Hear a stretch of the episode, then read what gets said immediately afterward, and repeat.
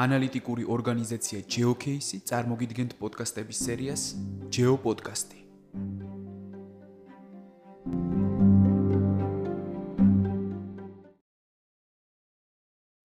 მოგესალმებით, თქვენ უსმენთ GeoPodcast-ს, მე მისი წამყვანი ბაჩო თორთლაძე ვარ. ეს გახლავთ ანალიტიკური გადაცემების სერია, სადაც სტუმრები ისაუბრებენ საზოგადოებისთვის სხვადასხვა აქტუალურ საკითხზე. პირველი გადაცემის სტუმარი გახლავთ ანალიტიკური ორგანიზაცია GeoCase-ის თავმჯდომარის მოადგილე და გამგეობის წევრი ბაქარ ფალავანდიშვილი.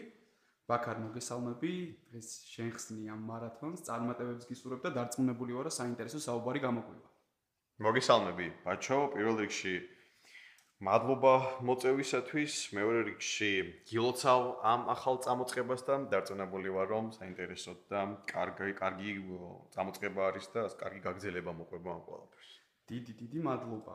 მაყურებელს და ჩვენს მსმენელს ვაცნობებ, რომ დღეს ჩვენ ვისაუბრებთ ეროვნულ დემოკრატიული ინსტიტუტის დაკვეთით ჩატარებული საზოგადოებრივი აზრის კვლევის შესახებ. და ძირითადად ეკონომიკურ ასპექტებს მე მოვიხილოთ, თუმცა ამას არ დავჯერდებით და შევაფასებთ ასე ვთქვათ თლიან კონტექსტს. და მოდი პირველი კითხვით გადმოვალ შენთან ბაქარ.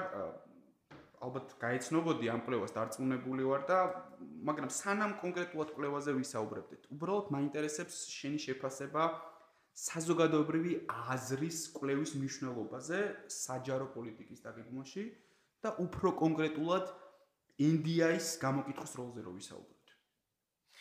მადლობა შეკითხვისათვის ბაჩო. აღნიშნავ იმას, რომ რთული კითხვა არის.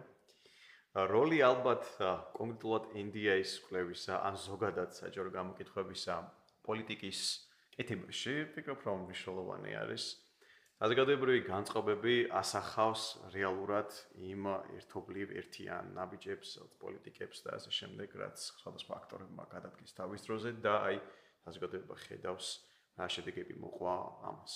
და მსჯელობს ამ შედეგების მიხედვით აკეთებს შეფასებას სიტუაციისას.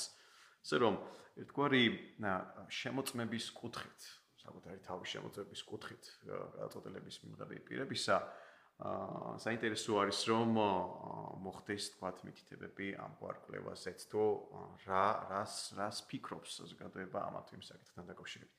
ამ გადმოსახედიდან მე მიმაჩნია რომ მათ შორის ინდიის კვლევებიც შეიძლება საინტერესო წყარო იყოს ინფორმაციისა.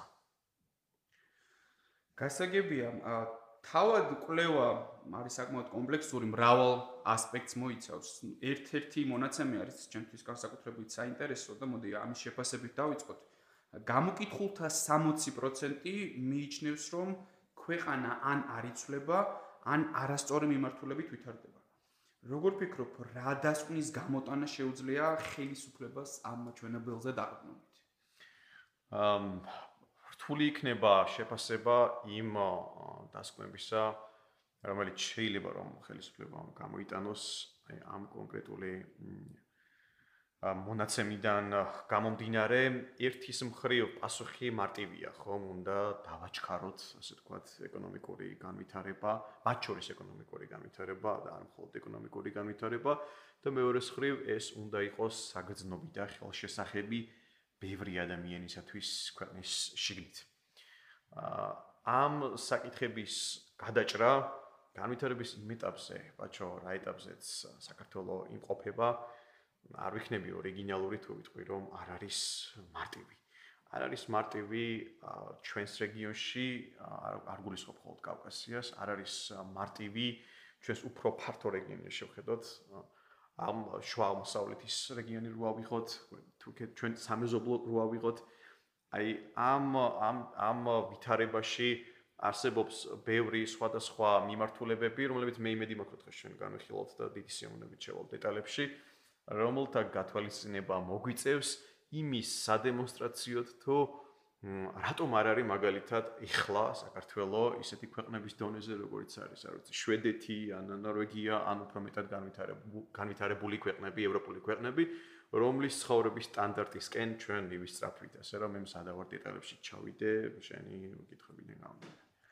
აა კი ბატონო მადლობა ამ პასუხისთვის. პრინციპში აბსოლუტურად ვიზიარებ შეს პოზიციას. ერთის მოსაზრება გამიჩნდა ამ მონაცემების გაცნობის შემდეგ, რომ ზოგადად, როდესაც საუბრობთ ქვეყნის განვითარებაზე, რამდენად უზრუნველყოფილია ზოგადად ამ პროცესში, გულისხმობ გადაწყვეტილების მიღების პროცესს, საზოგადოების ჩართულობა და რამდენად აქვს მოსახლეობას აი საჯარო პოლიტიკის განხორციელებისას პასუხისგებლობის ან გნებავს გნებავთ თანამონაწილეობის განცდა იმის სურათ ownership-ს რასაც უწოდებენ ხოლმე. ბაჭო რთული კითხვა არის რატომ? საზოგადოების ჩართულობა პოლიტიკის კნადობაში ერთის ხრივ შეიძლება ეს პირდაპირ ფორმები ავიღოთ ჩართულობისა, მეორეს ხრივ ინსტიტუციური ფორმები, ხო? ინსტიტუციური ფორმები შეიძლება იყოს ნუ პირდაპირ, როდესაც მაგალითად საპარლამენტო აქტივობაში ხარ ჩართული, მეორე ასევე აა შეიძლება არაპირდაპირ საპარლამენტო აქტივობაში, მაგრამ პარტიულ საქმიანობაში ხარ მაგალითად ჩართული ასე თუ ისე. მესამე ფორმა ინსტიტუციური შეიძლება იყოს ეგრეთ წოდებული არასამთავრობო ორგანიზაციების NGO-ების ფორმით ხარ ჩართული ამა თუ იმ პოლიტიკის მიმართულების კნადობაში, ეს იქნება ადამიანის უფლებები თუ სხვა ტიპის, თქვათ, საქმიანობები. ეს არის ასე ვთქვათ ინსტიტუციური ფორმები, რომლის მიხედვითაც შეიძლება ადამიანები ჩაერთონ პოლიტიკის კეთებაში ფართო გაგებით. მე ვფიქრობ, რომ ასე ვთქვათ, განწყობა, რაც მაქვს აკვირვებიდან გამომდინარე, ქართული საზოგადოება საშუალო დონეზე მეტაკლებად მაინც ჩართული არის პოლიტიკურ პროცესებში. შემიძლია თქვა, რომ არა ვართ რაღაცა აპათიურები ან არა ვართ სრულიად მოკვეთილები პოლიტიკური პროცესებისგან და შეგვიძლია თქვა, რომ რაღაც გაგებით მეტად პოლიტიზირებულებიც კი ვართ ბევრი სხვადასხვა ფაქტორების გამო, ასე თქვა და ეს შორს აგვიყვანს. ამ გაგებით ფიქრობ რომ ქართული საზოგადოება მეტნაკლებად მონაწილეობს პოლიტიკურ პროცესებში. იმ ხარისხით და იმ დოზით რა ხარისხით და დოზა რა ხარისხითაც შეიძლება რომ მოლოდინი კონდეს რომ უნდა იყოს ჩართული ადამიანი პოლიტიკაში არსებული ეკონომიკური ვითარების გათვალისწინებით. მეორე მხრივ აა არავინ არ საკმაოდ აქტიური არის მე რო კითხო საზოგადოება პოლიტიკის არათუ კეთებაში თუმცა აქტიურად მონაწილეობას მონაწილეობას იღებს კომუნიკაციების ახალი საშუალებებიდან გამომდინარე ის სოციალური ქსელები მაგალითად რომ ავიღოთ ბევრ ადამიანს მის საშუალება ბევრ საკითხზე დააფიქსიროს. აზრი უმალვე ეგრევე მათ შორის გადაწყვეტილების მიღები პირების ან შედარებით პოლიტიკაში ჩართული აქტიური პირების მიმართ. ასე რომ ესე შეიძლება მივიჩნიოთ ერთ-ერთი თანამონაწილეობის ფორმატი პოლიტიკაში ჩართულობისა თუ ამას ფართო გაგებით შევხედოთ თუმცა აი ბაკაკი ბაკაკის დავესესხები უფრო აქტიური მონაწილეობის მომხრევარ და ზოგადად პოლიტიკურ საქმიანობაში პოლიტიკურ ასპარეზზე მეტი აქტიურობის მომხრევარ ეს ფიქრობ რომ უფრო მეტად უწყობს ხელს ეგრეთ წოდებულ სოციალურ ერთობას რომელიც საკმაოდ მნიშვნელოვანი ელემენტი არის განვითარებისას.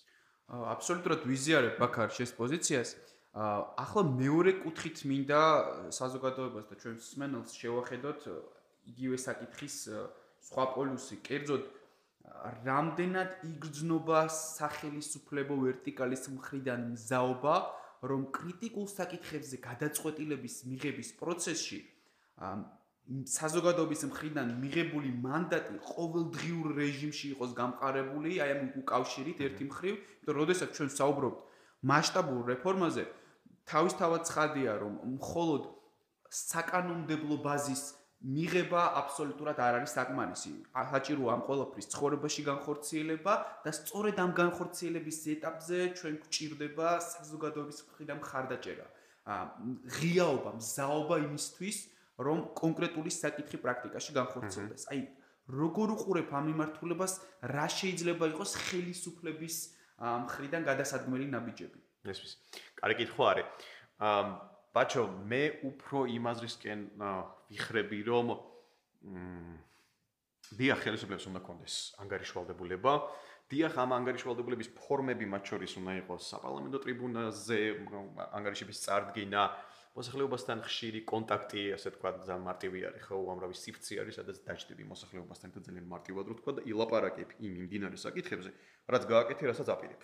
ეს ძალიან მარტივი არის ამის გაკეთება და ალბათ უმჯობესი იქნება და მე ვეთანხმები იმას, რომ რაც უფრო ხშირად მით უკეთესი. თუმცა აქ არის ერთი რამე გასათვალისწინებელი ასევე, ბაჭო, რომ ჩემი გაგებით, ჩემი გაგებით აა პოლიტიკის ველი უფრო მეტად, აი ძალიან ვთქვათ, ქართულად თუდად თუდად რომ შემო ესე ვთქვათ არა არა მთლად მორგებული სიტყვა რო ვთქვათ გაპროფესიონალურდა ანუ საჭირო გახდა საკმაოდ ბევრი მიმართულებით გარკვეული ტექნიკური ხასიათის ცოდნა რომელიც ჩვენ მოგწევს შესაძლებლობა შეაფასო ამა თუ იმ პოლიტიკის ავკარგიანობა. ეს არ ნიშნავს იმას რომ ადამიანმა აზრი არ გამოთქვა იმასთან დაკავშირებით რაც ჩვენ მიგაჩნია რომ კანონას მოახდენს შენს ყოველდღიურ ცხოვრებაზე და ეს ეს აუცილებელი არის ეს აზრი აუცილებლად უნდა იყოს გათვალისწინებული. თუმცა მეორე მხრივ აი ამ გაპროფესიონალურების პარალელურად შეიძლება რთული იყოს ყოველ ჯერზე დიდი სიხშირით, მე არ ვარ ყოველ ჯერზე უფრო დიდი სიხშირით, ასე ვთქვათ, აი ამ ტიპის ანგარიშვალდებულების შედეგიანობა და ეფექტიანობა დაინახო. თუმცა კიდევ ერთხელ ვამბობ, პირველ ნაწილს უფრო მეტად ვემხრობი, რომ დიახ ანგარიშვალდებულება უნდა იყოს ნაწილი პოლიტიკის კეთების.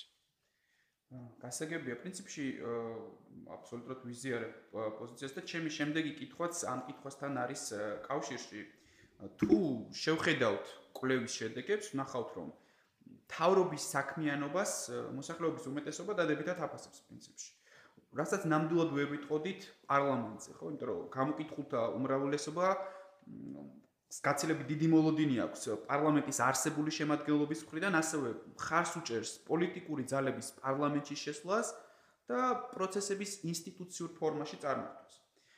ბაქარ, როგორ ფიქრობ, რა გავლენა აქვს შექმნილ სიტუაციას ქვეყნის პოლიტიკურ და ეკონომიკურ მდგომარეობაზე, განსაკუთრებით პანდემიურ სიტუაციაში? მარტივი პასუხი, ძალიან დიდი გავლენა აქვს ქვეყნის შიგნით მიმდინარე პოლიტიკურ ვითარებას, ეკონომიკურ განვითარებაზე. ამის სადემონსტრაციოდ 2020 წლის აგვისტოში ჩატარდა და სულ ახლახანს ჩატარდა სოფლიო ბანკის კვლევა.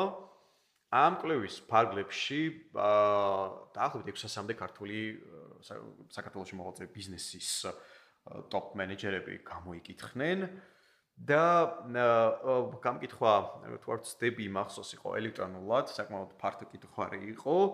საკმაოდ დეტალური, ბევრი მიმართულებით და ნუ კომპანიებს კითხეს რა არის მოკლედ ძირითადი პრობლემები, რასაც თქვენ მაგალითად ფიქრობთ, რომ ბიზნესის კეთებაში ხელს გიშლით. ხო, აი ჩვენ ვიცით ბევრი კოლეებები, მაგალითად doing business და ასე შემდეგ, რომელიც აფასებს ინსტიტუციურ ჩარჩოს არსებულ სტატიკურს. მაგრამ ეხლა აი მაგალითად გვაქვს ესეთი ტიპის კოლეებიც, რომელიც რეალობაში ეკითხება თქვა ბიზნესმენებს, აბა გითხარით, რა გიშლით ხელსო თქვენი აზრით, რა არის ყველაზე ხელშემშლელი, რომელიც რომ აღარ იყოს, უფრო კარგად გააკეთებთ ბიზნეს. სამი ძირითადი ფაქტორი გამოიკვეთა, ოღონდ სამივე ფაქტორს სჭირდება უფრო მეტი ჩაშლა, ასე თქვა და არ მინდა რომ ეს მივიღოთ აი ეს face value, ასე თქვა რა და ვთქვათ რომ აი სო ამას თუ გავაკეთებ, არის დეტალები და მომენტები, რომელიც დაზუსტება საჭიროებს და მე როცა იქნება ამაზე შეგვიძლია განხილოთ. მოკლედ, სამი ძირითადი ეს არის პირველი დასახელდა, რატომ მოვიყვანე პოლიტიკური არასტაბილურობა.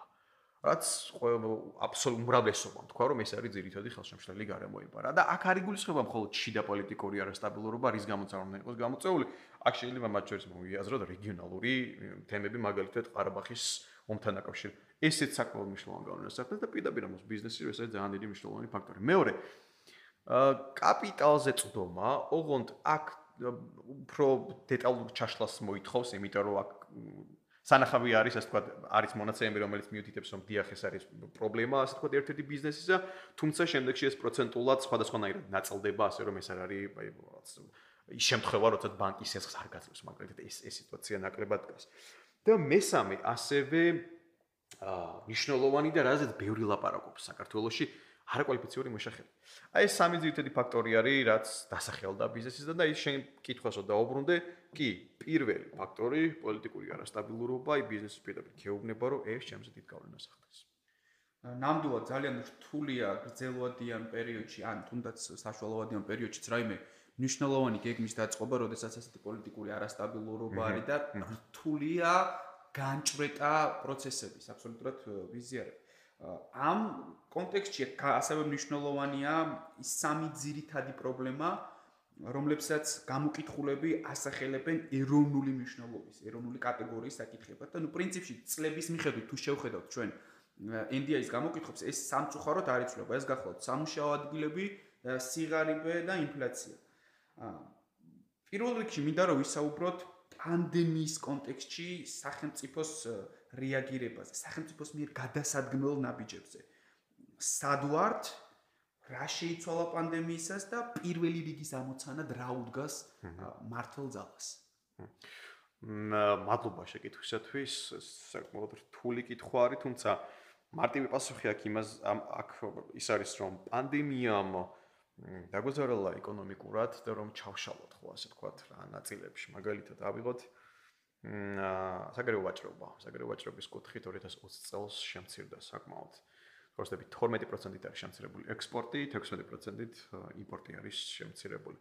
მნიშვნელოვანი გავლენა იქონია პირდაპირ უცხოურ ინვესტიციებზეც. ბაჩო პირველ და მესამე კვარტალში 2019 წლის ანალოგიურ პერიოდთან შედარებით გვაქვს მნიშვნელოვანი კლება პირდაპირ უცხოურ ინვესტიციების კუთხით. თუ არ ვწდები მეორე კვარტალში იყო მცირედი ზრდა წინა პერიოდთან შედარებით და მოლოდინი არის რომ მეოთხე კვარტალში ალბათ არ იქნება ასე თქვათ გადაჭარბება წინა კვარტალთან შედარებით, ასე რომ ჯამურად შეიძლება ვიფიქროთ იმაზეც რომ პირდაპირ უცხოურ ინვესტიციების შემოდინებაც შემცირდება და ეს არ არის ქართული מחასიათებელი, აქ უნდა დავძინო, ეს არის სოფლიოში ძალიან კლებს ასე თქვათ არასტაბილურობიდან გამომდინარე ინვესტიციების მაჩვენებლები ასევე შეიძლება შევხედოთ, ხოჭებს ძალიან საინტერესო საინტერესო არის გადმორიცხვების სტატისტიკა, ესე იგი, რემიტენსების სტატისტიკა, რომელიც წინა პერიოდთან შედარებით გაზრდილი არის, თუ არ ვთქვი 9%-ით მილიარდ 88 მილიონი აშშ დოლარი გადმოირიცხა. ვითი ახსნი ამას ბაკარაი, ამოვლენასთან შეიძლება კონდეს. ბაჩო, გამიჭirdება ასე თქვა ერთი კონკრეტული ახსნა მოუძებნო ამას, თუმცა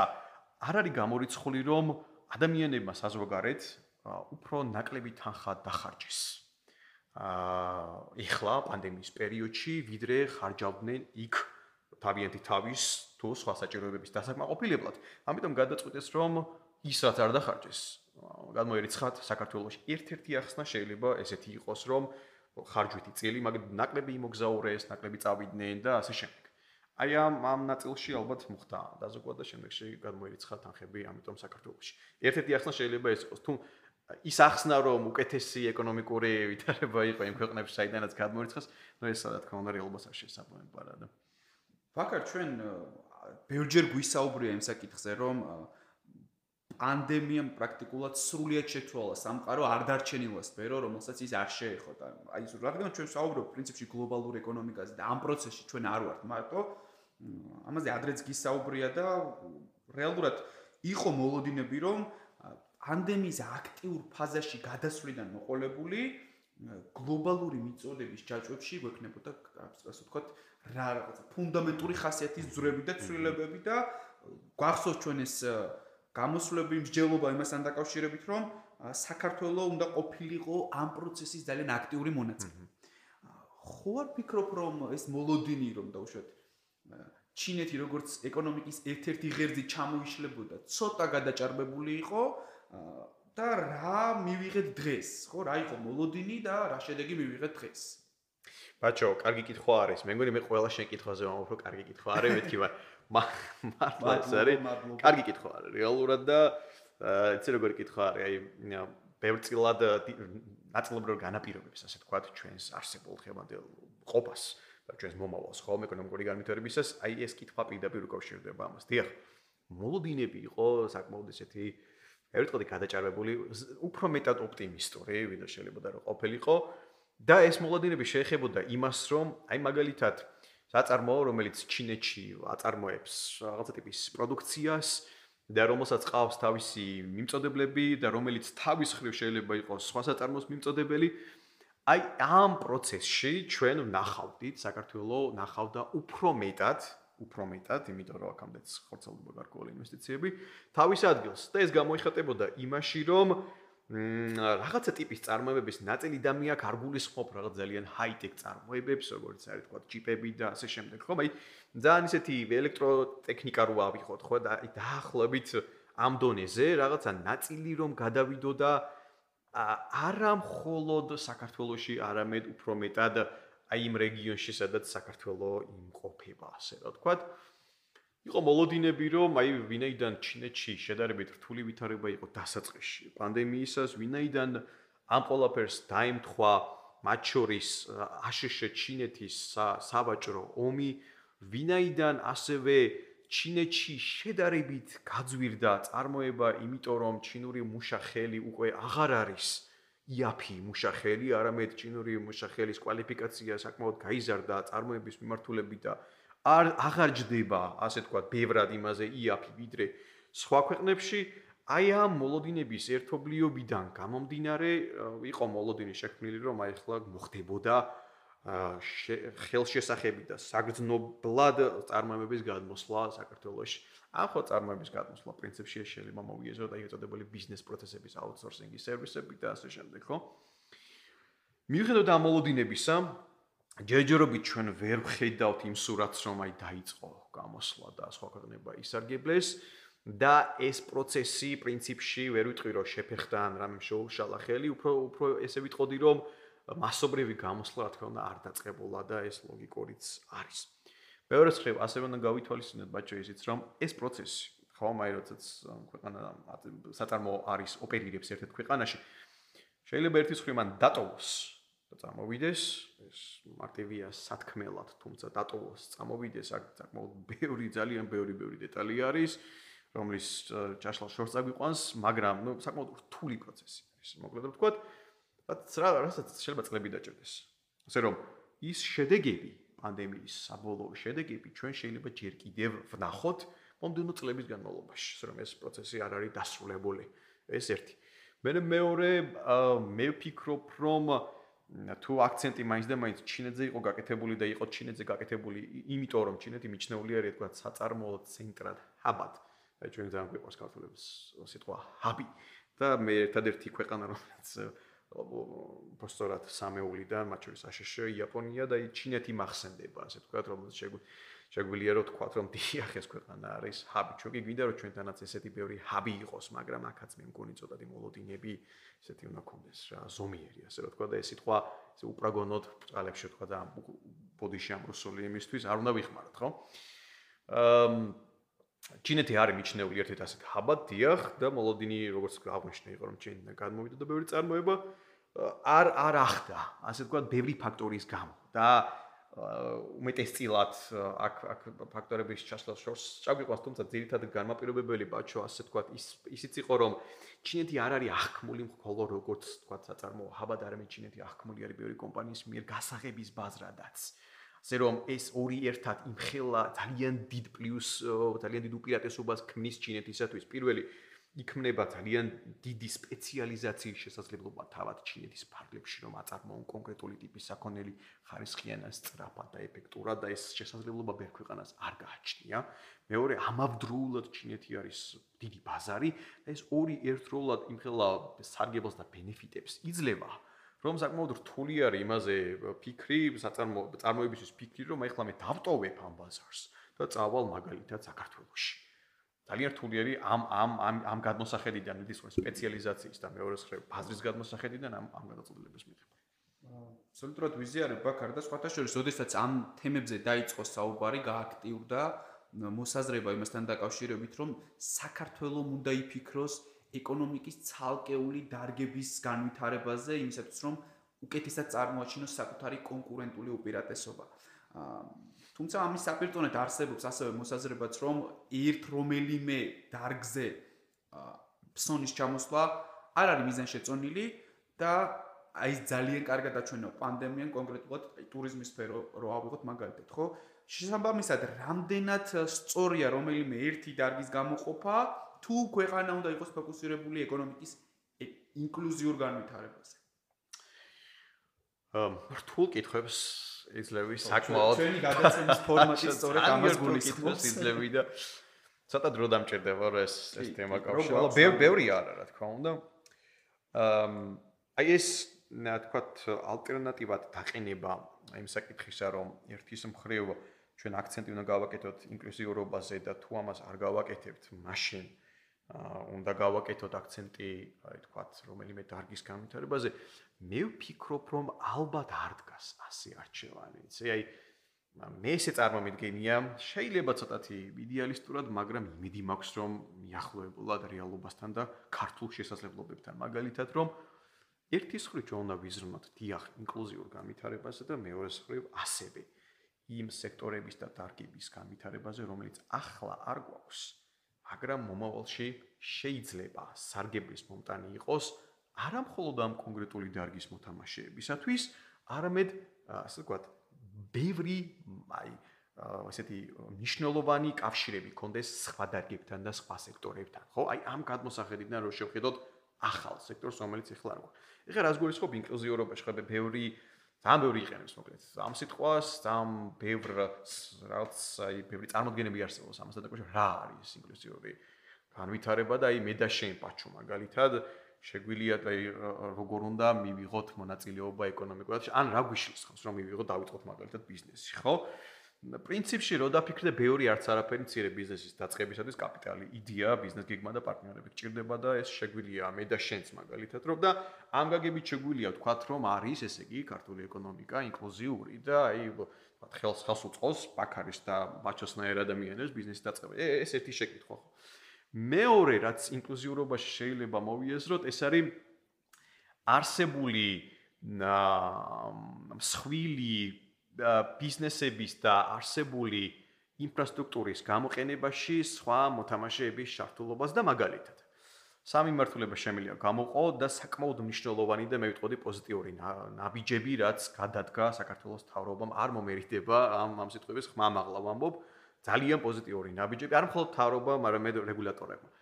ერთი შეგვიძლია მაგალითად ვისაუბროთ რა ხდება ენერგეტიკის სექტორში მეორე რა ხდება მაუწყებლობის, ხო, ელექტრონული კომუნიკაციების სექტორში და მესამე მაგალითად რა ხდება საბანკო სექტორში. ხო, სამივე საკმაოდ ისე მსუყედ რეგულირებული ბაზარი არის და სამივეგან საკმაოდ რთული არის.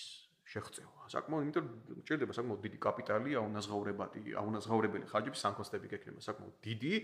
არიცი ბაზრის რაცაც დაიკავებ და ნუ ზართული არის, იმიტომ რომ ბაზარი ამ ამ სამივე სექტორში საკმაოდ გაჯერებული არის, ხო? რა გააკეთეს ახლა მარეგულირებელმა, მარეგულირებლებმა, მათ შორის, რა თქმა უნდა, სახელმწიფოს ხარდაჭერით ამ სამივე სექტორში. მაგალითად, ავიღოთ მაუწყებლობი ელექტრონული კომუნიკაციების სექტორი.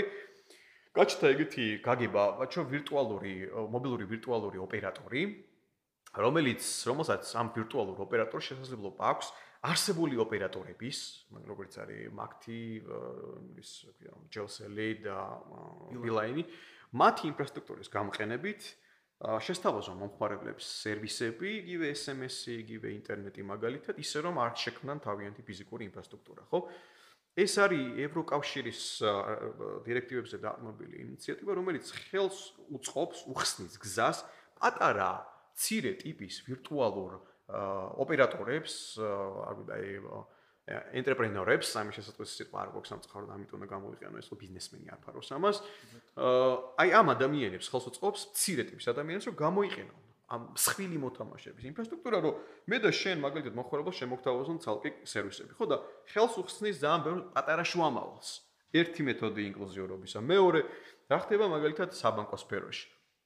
აი მე და შენ გვაქვს საბანკო სფეროში მაგალითად ანგარიშები გახსნილი, მათ შორის და ფულად თანხებს ვამოძრავებთ ამ ანგარიშებზე და რეალურად ამ სერვისებს გვიწევს იმით რა ქვია ინტერნეტ ბანკინგით თვითონ ბანკი ხო რომ გადავირცხოთ აქა და იქ. ახლა ხას იქნა შემოღებული ახლა ხას იქნა შემოღებული ეგ ეწოდებული open banking-ის აა ცნება სისტემა რომელიც შესაძლებლობას აძლევს პატარა ფინტეკ კომპანიებს, ფინტეკებად მოიხსენიებ, ფინანსური ტექნოლოგიების კომპანიებს, რომ შესთავაზონ მე და შენ შემოგთავაზონ სერვისი, გახდინეს თქო მიდლმენების, ჩვამავლები, რომლებიც გაგვიწევენ სერვის გადარიცხვების კუთხით, იგივე იმის აქვია ინტერნეტ ბანკის მსგავსი სერვისებს მოგაწვდიან და სხვა მსგავს სერვისებს და შეიძლება ბევრად მორგებული იყოს ჩვენს. და უფრო მეტად კონკრეტულად, ასე ვთქვათ, ტარგეტირებული კონკრეტული ნიშის, კონკრეტული მახასიათებლების და შემოსავლების მქონე მომხმარებლებს. რაც ასევე გზას უხსნის არსებული ინფრასტრუქტურის გამოყენებით, საბანკო მოთამაშეების ინფრასტრუქტურის გამოყენებით, პატარა მოთამაშეებს, პატარა შრომებს.